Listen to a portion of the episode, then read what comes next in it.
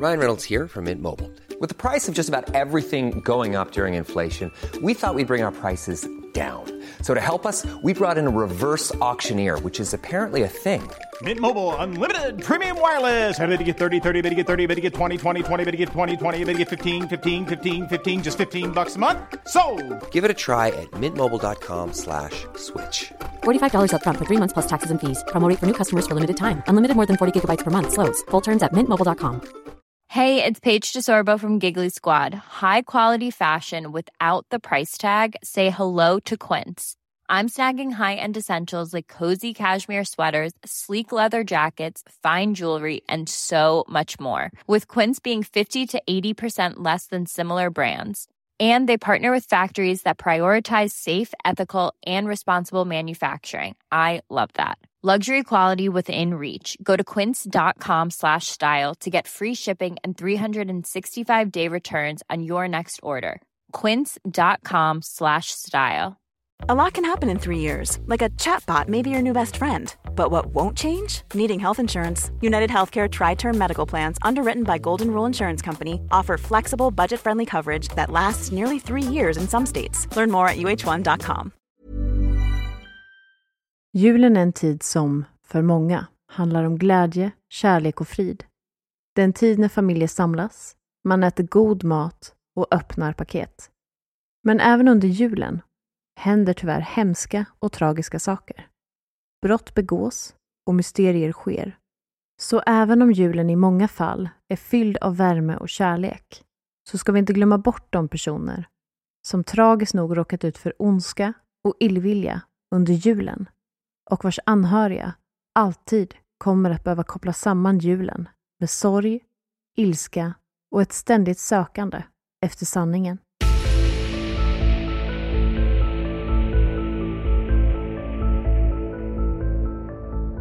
Hej på er allihop och varmt välkomna ska ni vara till avsnitt nummer 12 av Rysapodden. Och det är ju väldigt passande att vi är på avsnitt nummer 12 eftersom att vi också är i månad nummer 12. Och eh, hur sjukt det här än låter så är det ju faktiskt inte heller speciellt långt kvar till jul nu. Nej, det är ju faktiskt inte det. Och jag tycker det är så fascinerande på något sätt att man blir lika förvånad varje år över hur snabbt december går. Men i alla fall, eftersom vi närmar oss julen med stormsteg nu så kände vi att det kunde vara passande att göra ett avsnitt med just julmysterier. Och i och med detta så kommer ju vi kanske nu riskera att dra ner lite grann, eller ganska mycket, på den eventuella julmysiga stämningen som man kanske hunnit bygga upp nu. Men vi tyckte ändå att de här fallen var väldigt intressanta och att om det är någon gång vi ska prata om dem så kanske det ändå är nu när vi befinner oss i jultider. Ja, men faktiskt. Och det blir ju lite av en motpol för oss som älskar julen, att vi väljer att prata om de här hemskheterna som ägt rum i samband med den. Men vi vill också passa på att påminna om att julen, även om det absolut inte alltid är lika extremt som i våra fall, också kan vara en jobbig och svår tid för många, både barn och vuxna. För vissa är julen en tid av sorg, våld, missbruk eller andra jobbiga saker som gör att man känner sig lite extra utsatt. Så innan vi går in på våra respektive fall så vill vi ändå snabbt bara nämna att om man själv eller någon annan i ens närhet har det tungt under julen så finns det ju lyckligtvis ganska många ställen som man kan vända sig till. För just barn så är ju barns rätt i samhället, mer känt som BRIS, ett tips eftersom de finns där för utsatta barn under hela julen. Och för vuxna så finns det bland annat Frälsningsarmén, kvinnojourer och stadsmissioner som kan vara behjälpliga över jul om man skulle behöva stöttning på något sätt. Ja, och det är ju faktiskt helt fantastiskt att det finns så många bra företag och organisationer som finns där också under julen eftersom att det tyvärr är en högtid när det faktiskt behövs som mest. Ja, så är det verkligen. Men vi hoppas ju såklart att ni alla har en riktigt underbar, lugn och mysig jul framför er och att vi alla hjälps åt att sprida så mycket kärlek vi bara kan till våra medmänniskor där ute. Ja, men faktiskt. Vi måste ju försöka ta hand om varandra helt enkelt. Men nu tycker jag ändå att vi ska ta och hoppa tillbaka till våra julmysterier. Och det finns ju ett antal kända mysterier som har ägt rum just kring jul. Och ett av dem har vi faktiskt nämnt tidigare i podden. Och det är nämligen försvinnandet av Sodderbarnen. Och om ni skulle ha missat det så kan ni lyssna på det avsnitt nummer tre som vi då valde att kalla för familjemysterier. Och ett annat väldigt känt fall som hände just runt jul är ju mordet på den sexåriga flickan John Benet Ramsey som var 1996. Men det här tänker jag att många lyssnare har ganska bra koll på för att det finns ju både många bra poddar men också dokumentärer om just det här fallet. Ja, det finns det ju absolut. Men det fallet, tillsammans med Soddebarnen, är nog ett av de absolut kändaste julfallen. Men vi har ju nu valt att fokusera på två andra fall som dessutom också kan kategoriseras som julmysterier eftersom de fortfarande, än idag, är olösta. Och jag tänker att vi kan ta och börja med ditt fall, Mikis. Det tycker jag låter som en bra idé. Och jag kommer att prata om mordet på Latricia White och försvinnandet av Lee Wackerhagen och Chance Wackerhagen. Det var nämligen så att den 27 december 1993 så hittades 38-åriga Latricia White mördad i sitt hem. Hon hade blivit skjuten i huvudet sex gånger. I blodet i sovrummet så fann polisen fotspår tillhörandes ett barn. Det står då snabbt klart att fotspåren tillhör nioåriga Chance Wackerhagen, vars pappa Lee Wackerhagen var tillsammans med Latricia. De här fotspåren gjorde det tydligt att nioåriga Chance hade sett något som han inte borde ha behövt se. Men mysteriet tätnar när man inser att Chance och hans pappa inte finns någonstans att hitta.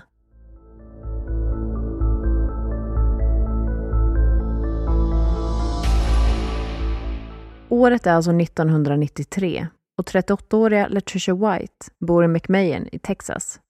Hon jobbar som sjuksköterska och har nyligen separerat från sina barns pappa. Hon har också träffat en ny man vid namn Lee Wackerhagen, även kallad Dub, som också flyttat in hos henne i hennes lilla vita villa.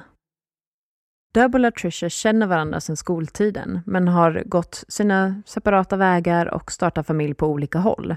Sen har båda dock separerat från sina respektive och då har de blivit ett par på äldre dagar. Deras relation till varandra har beskrivits som ganska speciell. Det var väldigt mycket bråk dem emellan. Och enligt vissa källor så var inte Dub den trevligaste av människor. Han ska ha haft ett temperament, han var svartsjuk och han var kontrollerande. Dub hade också en nioårig son från sin tidigare relation med en kvinna som hette Gay Wolchak. Och även i den här relationen så har Dub beskrivits som kanske inte den trevligaste av karlar. Och Gay har också berättat för en bloggare som driver lostandfoundblog.com att deras relation till en början var bra, men att den blev mer instabil och det blev allt mer bråk. Och Gay var rädd att deras bråk och Dubs kontrollerande sätt skulle eskalera till någonting värre. Gay berättar dock att Dub aldrig slog henne, utan att det var verbalt och psykiskt som hon framförallt påverkades av honom. Gay väljer därför att lämna den här relationen och hon tar med sig deras gemensamma son Chance, som hon också får vårdnaden om. Därefter så träffar Dub Trisha och Chance var hos dem vissa helger. Och det här året, 1993, så står nu julen inför dörren. Och just denna julhelg så var det bestämt att Chance skulle åka till sin pappa den 17 december och sen komma hem till sin mamma Gay den 25 december för att fira jul med henne och hennes familj.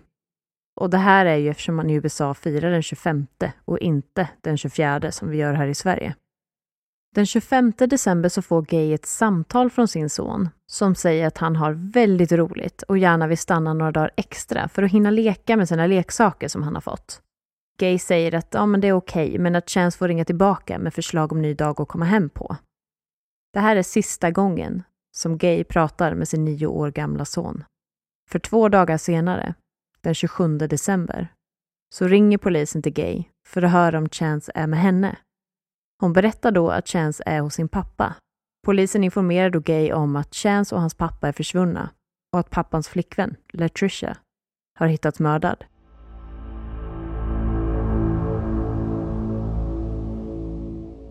Latricias vänner har nämligen blivit oroliga eftersom Latricia, som skulle jobba den 27 december, inte har dykt upp på jobbet. Och hon är inte typen som inte hör av sig och inte dyker upp när hon ska. Så de försöker först att ringa henne, men de får inget svar. Till slut så väljer de att kontakta hennes pappa, som såklart också blir orolig. När även han misslyckas med att få tag på Latricia så åker han hem till henne för att kolla till henne.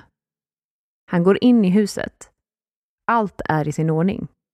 Det finns inga tecken på inbrott eller bråk i hemmet. Han går då in i sovrummet där han hittar sin dotter död i sängen. Hon har blivit skjuten i huvudet sex gånger.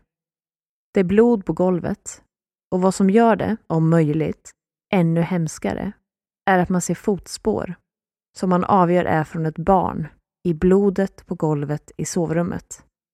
Och det här förstår man ju ganska snart innebär att Chance alltså antingen har bevittnat det här mordet på Latricia eller kommit in efteråt och sett Latricia död i sängen.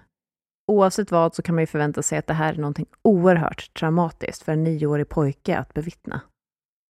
Polisen misstänker ganska fort att det är Dub som ligger bakom mordet på Latricia och att han sen har tagit Chance och flytt. Och anledningen till att de misstänker det här är ju utifrån den historik som man har på Dub, som en kontrollerande och svartsjuk man. Man vet ju också att Dub och Latricia hade ett ganska bråkigt förhållande. Och det finns också vittnen som berättar att Dub och Latricia hade ett stort bråk den 23 december, alltså fyra dagar innan Latricia hittas. Det här bråket ska ha startat av att Chance hade glömt att stänga av vattenkranen och handfatet ska då ha svämmat över. Latricia ska då ha blivit arg på Chance och efter det här så började Dub och Latricia bråka så pass mycket att Dub tog med sig Chance och lämnade huset. Efter en dryg dag ska han dock ha återvänt och familjen ska ha firat julen tillsammans. De såg sedan av vittnen, alla tre tillsammans, äta på en restaurang den 26 december och vittnen har då beskrivit dem som att de såg glada ut och trivdes i varandras sällskap. Vi vet ju också att Chance ringde sin mamma dagen innan, alltså den 25 december, vilket är två dagar efter det stora bråket. Och då ska ju allt ha verkat bra. Tre dagar efter att Latricias kropp hittades så hittar man Dubs bil i ett område i Texas som är känt för att ha hög kriminalitet. Och det här området ligger ett par mil från Latricias hus. Och det här skapade bara ännu större frågetecken i fallet eftersom man i bilen hittade Dubs plånbok, checkhäfte och dessutom hans gevär. Och värt att notera i det här fallet är att geväret inte hade använts. Och något som var ännu mer skrämmande var att man hittade julklappar i bilen. Vissa av dem var oöppnade och det fanns blod på dem. Inledningsvis så tänkte man att det antagligen var Latricias blod men det visade sig snart vara fel blodgrupp. Man har dock inte kunnat avgöra vems blod det var, för att enligt vissa källor så ska blodet ha tillhört två personer som var släkt, vilket såklart för ens tankar till double chance. Men enligt vissa källor så har man inte kunnat avgöra någonting alls kring det här blodet. Men det som är viktigt i det här är att oavsett så var mängden blod inte tillräckligt för att det i sig skulle kunna innebära att personen eller personerna vars blod det faktiskt var skulle ha dött av det. Polisen säger också inledningsvis att det ska ha gjorts ett samtal från den här bilen någon gång under de här tre dagarna innan bilen hittades. Och det blir ju såklart en jätteviktig ledtråd. Men man lyckas dock aldrig spåra det här samtalet. Och det kommer senare fram att det här kan ha varit en miss från polisens sida och att det inte alls var något samtal som hade gjorts utan att det samtalet faktiskt hade ägt rum ett helt år innan. Så Dub var oavsett efterlyst, både för att ha tagit sin son, som han inte hade vårdnaden för, och även för mord. Men det fanns inget spår av vart varken han eller Chance befann sig.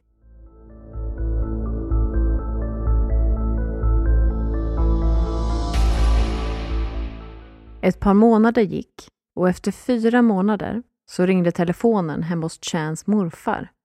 Han svarade och han hörde en pojke säga orden Hjälp mig. Innan telefonen rycktes ifrån honom och lades på i vad som beskrevs som ett aggressivt sätt. Morfadern vände sig till sin fru och sa Det där var Chans”. Man har aldrig kunnat spåra det här samtalet och vissa tror att det bara var ett vidrigt skämt av någon som inte alls har med fallet att göra. Och vissa tror att det var Chance som försökte ge sig till känna. Det har nu gått 26 år sedan den här händelsen och man är fortfarande inte säker på vad det faktiskt var som hände den här julhelgen 1993. Man har aldrig hittat Chance och Dub, varken vid liv eller några kroppar. Och man har nu gått från att Dub är gärningsmannen till att nu anses vara ett offer. Det finns två så kallade huvudteorier kan man väl säga och jag tänkte dra dem lite kort. Och teori ett är att Dub och Latricia bråkade och att Dub sen beslutade sig för att mörda Latricia genom att skjuta henne i huvudet när hon sover. Han inser sen att han inte kommer få träffa sin son om han lämnar tillbaka honom till sin mamma, utan väljer då att fly tillsammans med Chance och under en ny identitet startar upp ett nytt liv tillsammans med sin son. Gränsen till Mexiko är ju inte allt för långt borta och han kanske åkte över dit och startade ett nytt liv. Man har då också misstänkt att Dubs familj hjälper Dub att klara sig ekonomiskt, någonting som hans familj starkt har nekat till under alla de här åren. Någonting som såklart spädde på den här teorin lite var att Dubs pappa tog sitt liv 1999. Och många vill ju då säga att det här var kopplat till en skuld som han kände för att han visste mer än vad han hade sagt. Enligt vissa källor så var det här dock kopplat till att han fick någon form av sjukdomsbesked. Anledningen till hans självmord är därför inte klarlagt. Det finns ju såklart en hel del frågetecken tycker jag kring den här teorin. Och för att om det nu var så att Dub och Latricia hade bråkat och Dub sköt henne, varför skedde det inte i anslutning till ett bråk då? Det skedde liksom inte i direkt affekt på så sätt att Latricia sköts i sin säng, när hon med största sannolikhet sov. För det innebär ju i sånt fall att då ska de ha bråkat, hon ska ha lagt sig och därefter väljer Dubb att komma in och skjuta henne. En annan fundering är ju då, framförallt Dubbs familj är ytterst tveksamma till att Dubb är kapabel till att mörda. Och Dubb hade ju faktiskt inget tidigare belastningsregister och de hade ju dessutom setts äta middag och ha trevligt ihop samma dag som Latricia senare på kvällen eller natten blev skjuten. Gay, Chans mamma, är också tydlig med att Dubb var väldigt omhändertagande om sin son. Och även om Dub hade sina sidor och då eventuellt skulle ha kunnat mörda Latricia så var han kärleksfull mot Chance. Så varför skulle då Dub låta Chance bevittna det här mordet? Och om han nu hade skjutit Latricia, varför hittade man då hans gevär och kom fram till att inga skott hade avlossats? Hade han tagit ett annat gevär och sedan lämnat det i bilen? Och varför tillsammans med sin plånbok och sitt checkhäfte? Och hur har Dub och Chance under alla de här åren undvikit att hittas? Och det är ju också så att Chance idag skulle vara 35 år gammal. Han var ändå nio år gammal när han försvann. Borde han inte i sånt fall ha gjort något försök i vuxen ålder att ha kontakt åtminstone med sin mamma? En annan liten vinkling på den här teorin är att Dub, efter att ha mördat Latricia, ska ha skjutit både Chance och sig själv. Men då är ju fortfarande frågan, var är de? Och varför i sånt fall inte bara lämna Chance hos sin mamma och sen ta sitt liv? Sen kommer vi till teori två och det är att Dub och Chance har fallit offer för samma gärningsman som har mördat Latricia. Fallet öppnades nämligen upp på nytt 2016 och då konstaterade man att man tror att Latricia fallit offer för en gärningsman som stod henne nära och att även Chance och Dub har fallit offer för samma gärningsman. Och i den här bloggen som jag nämnde tidigare, alltså lostandfoundblogs.com, så skrivs det om att bloggaren haft en direktkontakt med Chans mamma Gay som då har informerat om att hon fick ett samtal från polisen under 2015. Och i det här samtalet så ska det ha framkommit information som gör att hon idag tror att det är en annan gärningsman och att Dub och Chance föll offer för samma person som mördade Latricia. Enligt vissa källor, bland annat den här bloggen, så ska misstankarna ha riktats mot Latricias exman. Latricia hade ju nyligen separerat och det hade varit en tuff vårdnadstvist dem emellan. Dessutom så var det ju faktiskt så att Latricia hade skjutits sex gånger i huvudet. Och det är inte bara ett mord, utan det är ett mord drivet av hat. Men då dyker ju andra frågor upp. Varför mörda Latricia? Lämna henne i hemmet men ta med sig Chance och Dub? Och hur, om Chance och Dub var i hemmet, kan det inte ha varit mer tumult inne i hemmet? Allt såg orört ut. En teori kring det här är att personen ska ha skjutit Latricia medan Chance och Dub inte var hemma och att de sen ska ha kommit hem och överrumplats av den här gärningsmannen. Men problemet är att i sånt fall så borde ju någon ha brutit sig in i hemmet och det fanns ingenting som tyder på det.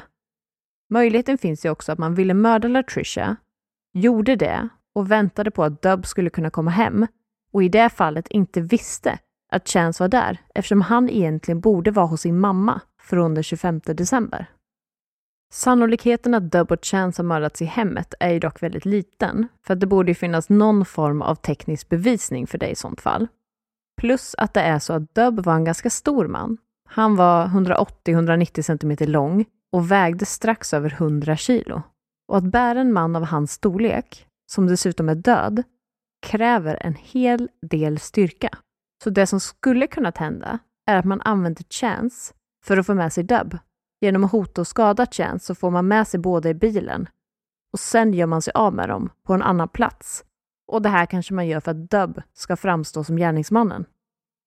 Idag anses Dub och Chance vara offer och Dub är inte längre efterlyst som gärningsman i det här fallet. Chans mamma Gay har varit oerhört engagerad i sökandet efter sin son och har medverkat i diverse program och är väldigt aktiv på sociala medier och kommenterar på bloggar och Youtube där fallet tas upp. Det finns ganska mycket bra källor att kolla vidare på i det här och som jag har använt mig en del av. Och vi har ju bland annat bloggen som jag nämnt ett par gånger som heter lostandfoundblogs.com och där har bloggaren haft en direkt kontakt med Gay och beskriver fallet ganska mycket från hennes vinkel. I den bloggen så visas också ett brev som Gay har skrivit till Latricias exman där hon ber honom att han ska berätta vart hennes son finns. Sen har vi Dark Matters på Youtube som har gjort ett avsnitt om fallet. Och under den här videon så kan man också se att Gay har valt att kommentera fallet med lite nya uppdateringar. Sen finns det såklart flera poddar, men en som jag tycker är bra är podden The Trail Went Cold. Och där har det också gjorts ett avsnitt om det här. Det ska också finnas ett väldigt gammalt avsnitt av Unsolved Mysteries där fallet tas upp. Så vill man läsa vidare så kan man det, helt klart. Men tyvärr så finns det inga svar att få på frågan vem som mördade Latricia White och var Lee Dub Wackerhagen och Chance Wackerhagen har tagit vägen. Och Gay kommer för alltid att förknippa julen med försvinnandet av sin nioåriga son.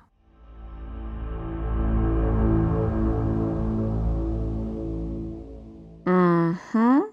Det här var ju sjukt oklart. Har de alltså aldrig kunnat få fram någonting mer om den här exmaken till eh, Latricia? Nope. Han har aldrig erkänt och det finns ju egentligen ingenting som binder honom till platsen vad jag förstått det som. Och det enda man har på honom är ju ett potentiellt motiv. Det känns ju som att man borde ha hittat någon form av bevis på brottsplatsen om man hade varit inne i huset. Men det är ju så sjukt just det här att det inte fanns några spår i huset av att det hade varit något bråk eller att någon hade försökt göra motstånd. Och om hon bara hade blivit skjuten en gång i huvudet så hade det ju börjat kännas rimligt att det skulle vara självmord typ. Ja, alltså ska jag vara helt ärlig så tror jag faktiskt att den här ex-mannen är skyldig. Bara för att jag tänker att, för det första tror jag inte att Dub hade kunnat hålla dem borta från rampljuset så länge som han har gjort i sådana fall. Och jag tänker att en nioårig pojke minns sin mamma och han är nu vuxen. Jag tror att på något sätt hade han tagit kontakt. Så att jag tror att de är döda. Och utifrån den informationen som jag har så tänker jag att den som har mest motiv är exmannen och att han kanske också ville hämnas på Dubb som någonstans har gått in och tagit hans plats med Latricia. Att han kanske ville lägga skulden lite på honom. Men som alltid med de här mysterierna så är ju svaret att vi faktiskt inte vet. Vi kan ju tro och spekulera bäst vi vill, men vi vet ju faktiskt inte. Nej, det är väl eh, det enda som är säkert i det här. Att vi inte vet. Men vi fortsätter väl i samma spår då och går vidare in på mitt fall. Och jag ska ju prata om mordet på Rhonda Hinson.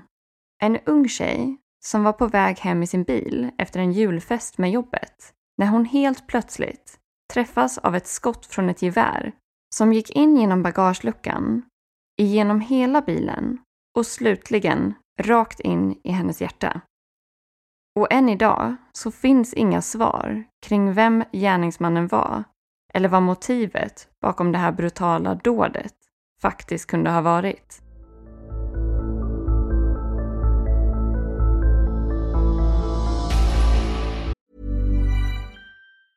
Even when we're on a budget we still deserve nice things.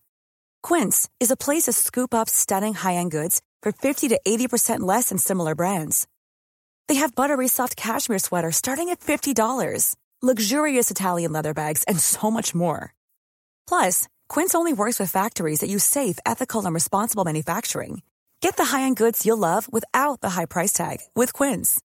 Go to quince.com/style for free shipping and 365-day returns. Here's a cool fact a crocodile can't stick out its tongue. Another cool fact you can get short term health insurance for a month or just under a year in some states. United Healthcare short term insurance plans are designed for people who are between jobs, coming off their parents' plan, or turning a side hustle into a full time gig.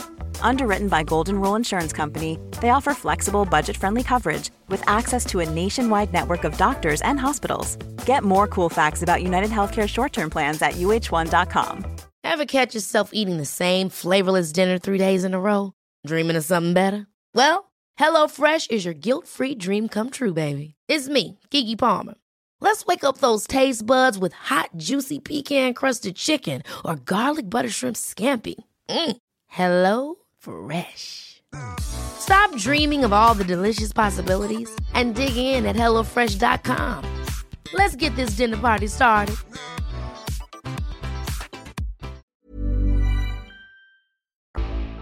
Vi börjar med att hoppa tillbaka till år 1981.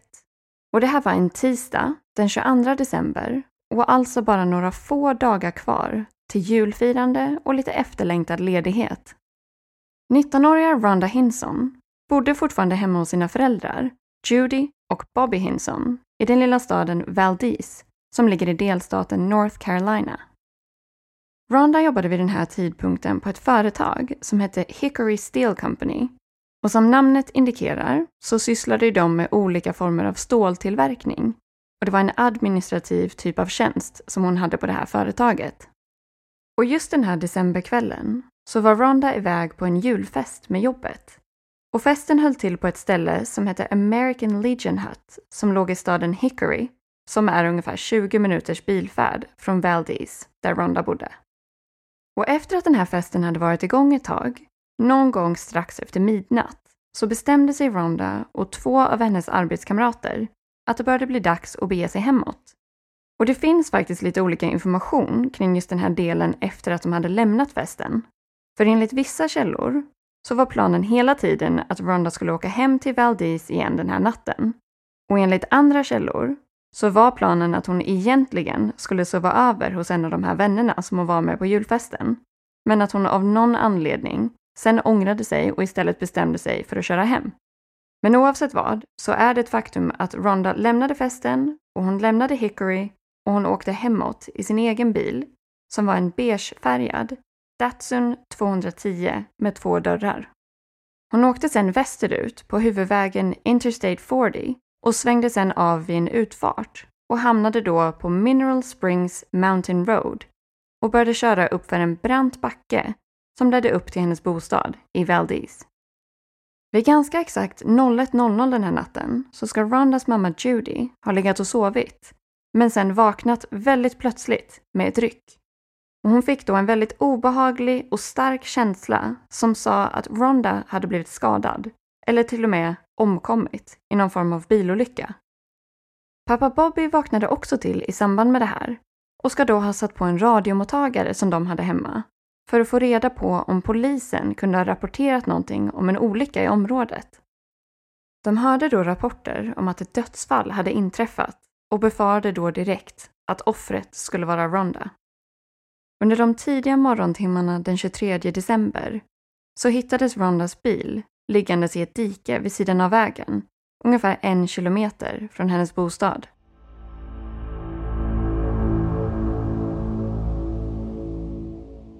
Man upptäckte att Ronda hade blivit ihjälskjuten av ett gevär och skottet hade först gått igenom bakluckan på bilen, sen baksätet och förarsätet för att sen träffa Ronda bakifrån medan hon körde bilen.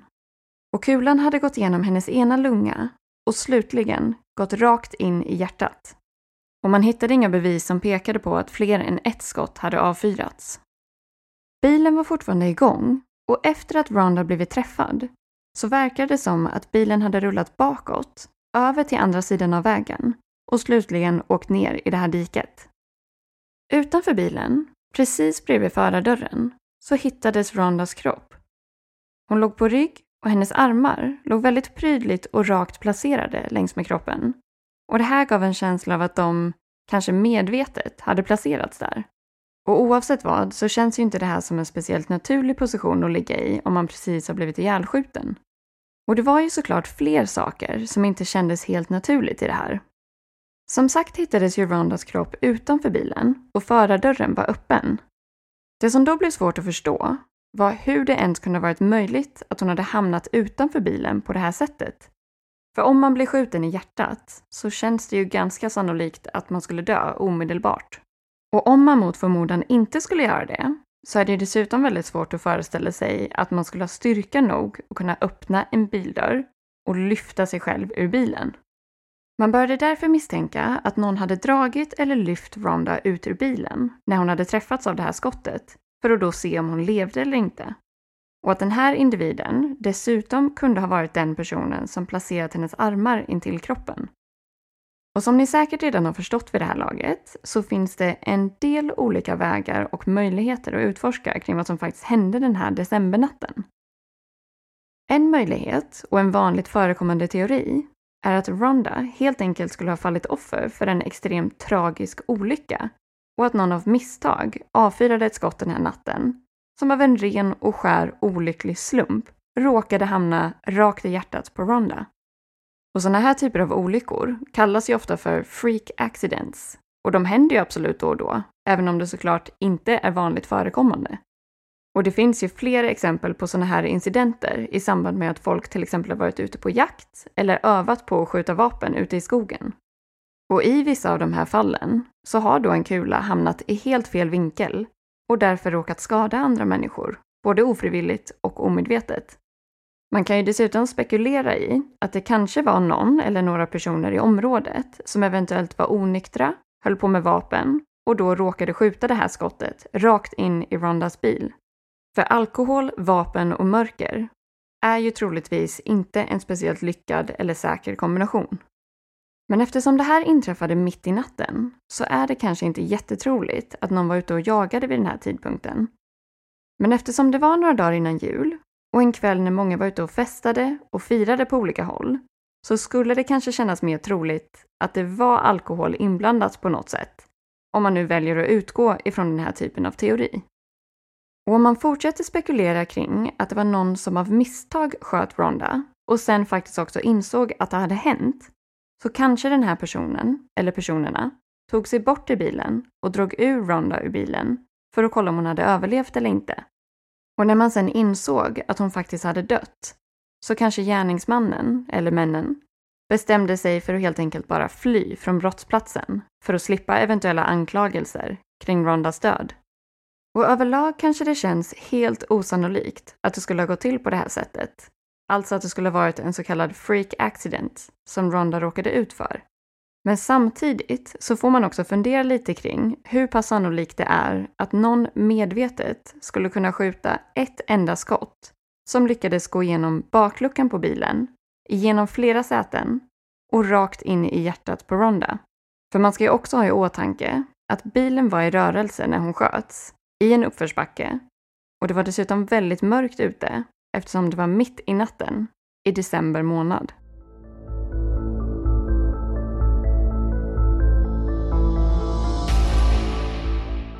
En annan möjlighet är såklart att Rhonda faktiskt blev mördad den här natten. Antingen att hon blev slumpmässigt utvald och att hon helt enkelt råkade befinna sig på fel plats vid fel tillfälle. Eller så kanske någon tog miste på person och trodde att personen som körde bilen var någon helt annan än Rhonda. Eller så var det ett otroligt välplanerat dåd och någon som verkligen ville skada Rhonda. Och i den här utredningen så började man såklart att utforska Rondas bakgrund och hur hennes livssituation såg ut vid den här tidpunkten. Hennes föräldrar, Judy och Bobby, ska då ha sagt att hon hade uppvisat ett ganska ovanligt beteende under en tid innan det här hände. Ronda hade tidigare varit väldigt trygg med att köra bil och att köra bil ensam.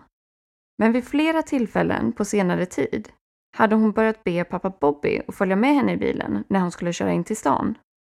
Och i samband med en av de här bilturerna, när han var med, så ska Ronda ha sagt till sin pappa att hon hade någonting som hon behövde berätta för honom, men att det var någonting väldigt dåligt. Han bad henne då att dela med sig och att berätta mer om vad det här var för någonting. Och hon ska då ha sagt att hon skulle fundera på det och kanske berätta mer senare. Och dessvärre fick ju Bobby aldrig veta vad det var som Ronda försökte få fram men inte ville eller vågade berätta i slutändan. Mamma Judy berättade också att hon hade haft ett udda samtal med sin dotter under senare tid. Rhonda hade då frågat sin mamma om det någonsin kunde vara okej okay att ha ett förhållande med en gift man. Då ska Judy ha svarat att det aldrig var okej okay, eftersom att det bara ledde till att folk blev sårade i slutändan. Och det är ju lätt att sitta och säga sånt här i efterhand nu, men man kan ju tycka att det är väldigt synd att hon inte försökte prata mer med Rhonda om vad hon menade och varför hon ställde den här frågan. Men dessvärre blev det inte så och mamma Judy fick aldrig ett svar kring om det var Rhonda själv som ville veta eller om hon kanske frågade åt en kompis eller bekant. Men i och med den här informationen så finns det en hel del spekulationer kring om Rhonda möjligtvis hade någon affär med en gift man. Eller att hon kanske funderade på att ha det, men att hon inte hade agerat på den här tanken överhuvudtaget. Så det är ju egentligen inte ett speciellt konkret bevis för någonting, eftersom det är så pass svårt att veta vad kontexten och sanningen bakom den här frågan faktiskt var. Och även om det var så att Rhonda hade en affär med en gift man, så känns det i alla fall enligt mig ganska så osannolikt att det skulle vara illa nog för att någon inblandad skulle vilja mörda henne på grund av det här.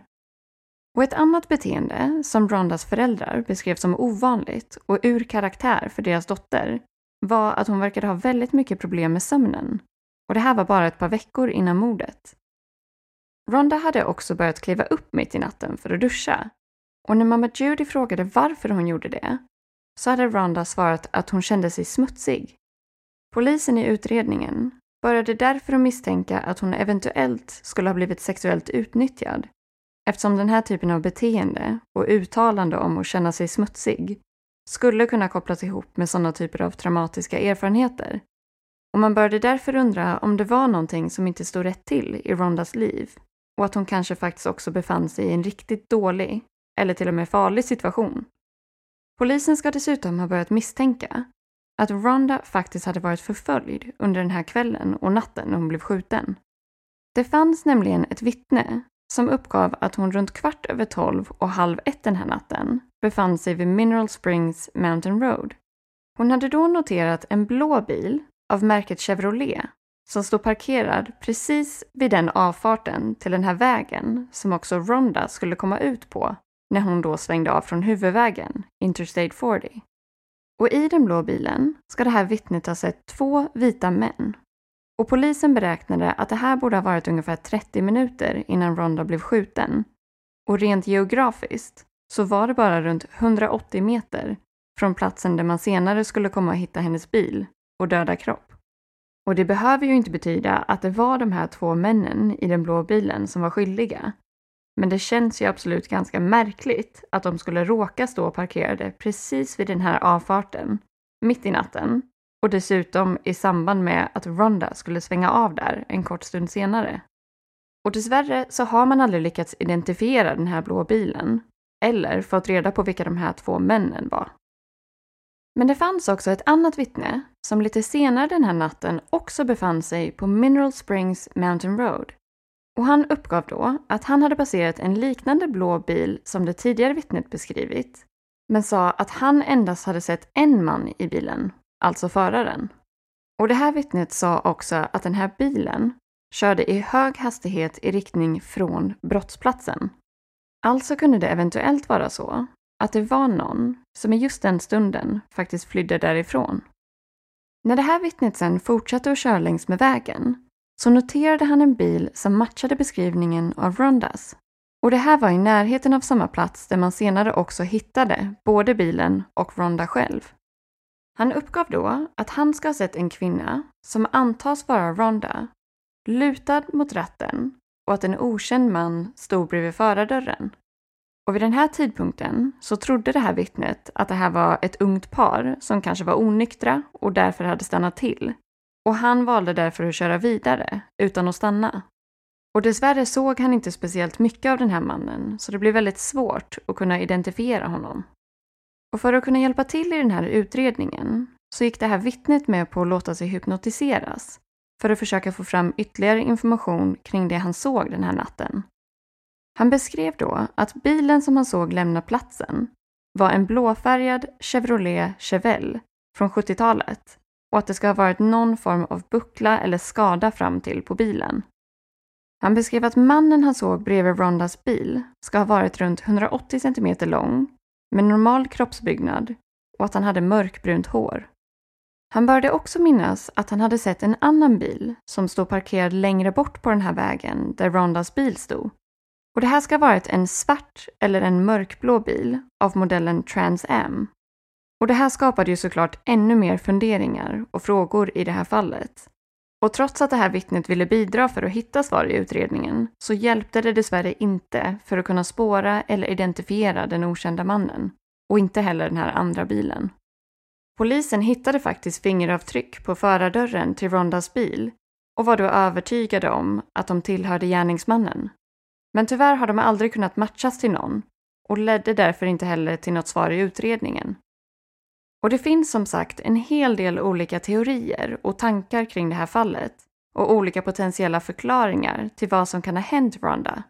Och baserat på vittnesmålen som finns och Rondas ovanliga beteende innan hon mördades så finns det i alla fall väldigt många som tror att hon faktiskt kände gärningsmannen.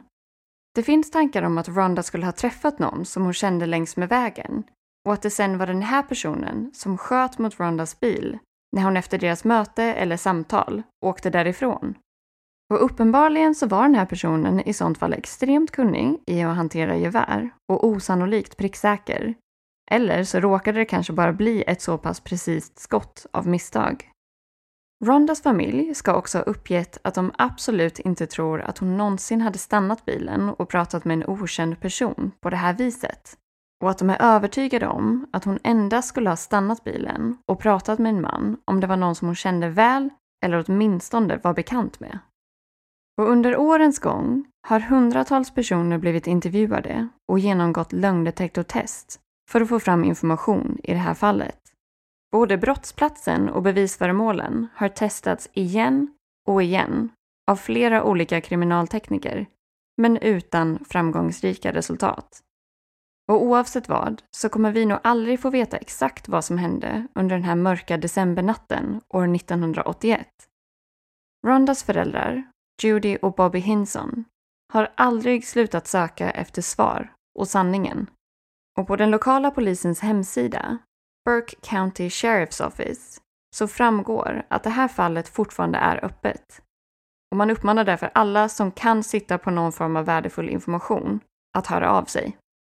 Och för den person som anger information som leder till att den skyldiga gärningsmannen grips så erbjuds dessutom ett belopp på 20 000 dollar. Och man kan ju bara hoppas att Rondas familj en dag kommer att få veta sanningen kring vad som faktiskt hände deras dotter på väg hem från den här julfesten.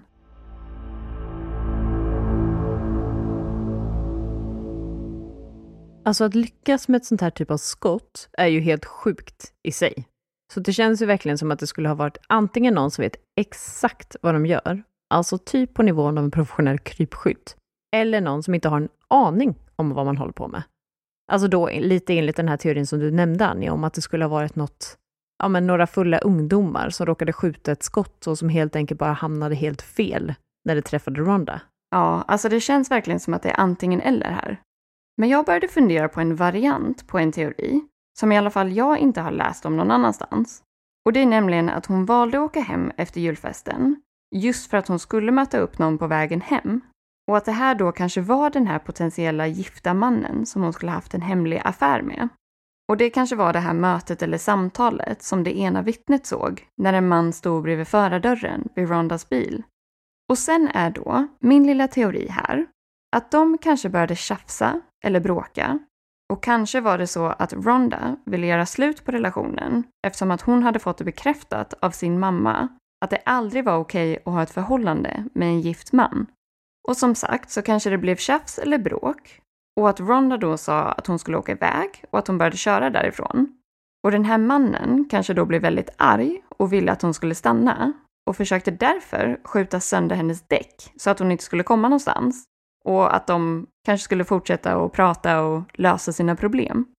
Och då tänker jag att just det här skottet istället kanske råkade träffa bakluckan och att det bisarrt nog gick igenom hela bilen och träffade Ronda, men att det var helt av misstag. Och sen kanske den här mannen fick panik och sprang bort till bilen för att kolla hur det gick. och märkte då att hon hade dött. Och det ledde ju rimligtvis till ännu mer panik och att han då kanske flydde därifrån eftersom han misstänkte att han kunde bli hittad eller spårad av polisen på grund av den här hemliga affären eller förhållandet. Och det är ju absolut väldigt många kanske i den här teorin. Men eh, jag tänkte att den ändå kunde vara värd att ta upp. Ja, alltså det är ju ingen omöjlig teori. Men jag tänker bara så här, om det nu var så att Ronda har stämt möte med någon och de börjar bråka. Hon sätter sig i bilen och drar. Då måste ju den här andra personen typ stått redo med sitt gevär för att hinna avlossa det här skottet innan bilen kör iväg, tänker jag. Så personen hinner ju liksom inte springa tillbaka till sin bil, öppna, ta fram och ladda ett gevär. Jag tänker ju också som så att de lär ha gått ut och efterlyst de här bilarna. Och om personerna i fråga var oskyldiga så borde de ju ha klivit fram och sagt vad de vet. Nej, jag tror att antingen så är det ett väl medvetet skott eller så är det totalt misstag där personen eller personerna är för fega för att kliva fram och berätta vad som faktiskt hände. Ja, så kan det absolut vara. För någon vet ju i alla fall vad som hände. Och vi får bara hoppas att den eller de personerna någon dag kan komma ut och berätta sanningen. För den är man ju väldigt intresserad av att få ta del av. Både i ditt och i mitt fall. Men vi hoppas verkligen att ni har tyckt att det har varit intressant att få ta del av lite julmysterier. Och jag tänkte också att vi kanske skulle passa på att önska oss i julklapp av er lyssnare att ni lämnar en liten recension till oss på iTunes eller Podcaster så att vi får höra lite vad ni tycker om oss. För det är ju ni som är med och gör Rysapodden till det den är och som gör att vi vill fortsätta. Ja, så är det ju verkligen. Men nu tänker i alla fall jag att vi ska återgå till våra eventuella julbestyr och ha en riktigt härlig jul. Nu tar vi hand om varandra, äter god mat och njuter förhoppningsvis av lite ledighet. Och om ni har möjlighet, så kom ihåg att försöka hjälpa någon som kanske känner sig ensam eller som har det väldigt tufft just under julen. Och allt räknas, även om det är små saker eller bara någon enkel gest. Och vi vill nu passa på att avsluta dagens avsnitt med att önska er alla en härlig jul och så hörs vi igen i början av 2020. Laddade för ett helt nytt år med nya fall och mysterier som i alla fall får oss att rysa lite extra.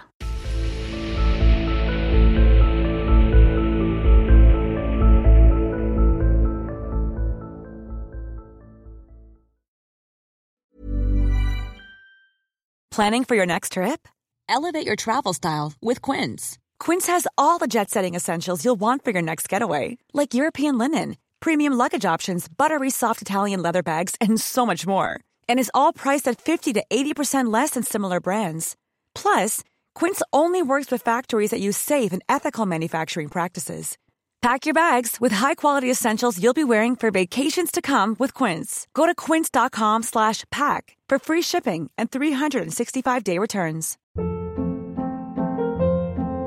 Hold up. What was that? Boring. No flavor. That was as bad as those leftovers you ate all week. Kiki Palmer here, and it's time to say hello to something fresh and guilt-free. Hello Fresh. Jazz up dinner with pecan-crusted chicken or garlic butter shrimp scampi. Now that's music to my mouth. Hello Fresh. Let's get this dinner party started. Discover all the delicious possibilities at hellofresh.com. Even when we're on a budget, we still deserve nice things. Quince is a place to scoop up stunning high-end goods for 50 to 80% less than similar brands. They have buttery soft cashmere sweaters starting at $50, luxurious Italian leather bags, and so much more. Plus, Quince only works with factories that use safe, ethical, and responsible manufacturing. Get the high-end goods you'll love without the high price tag with Quince. Go to quince.com/style for free shipping and 365-day returns.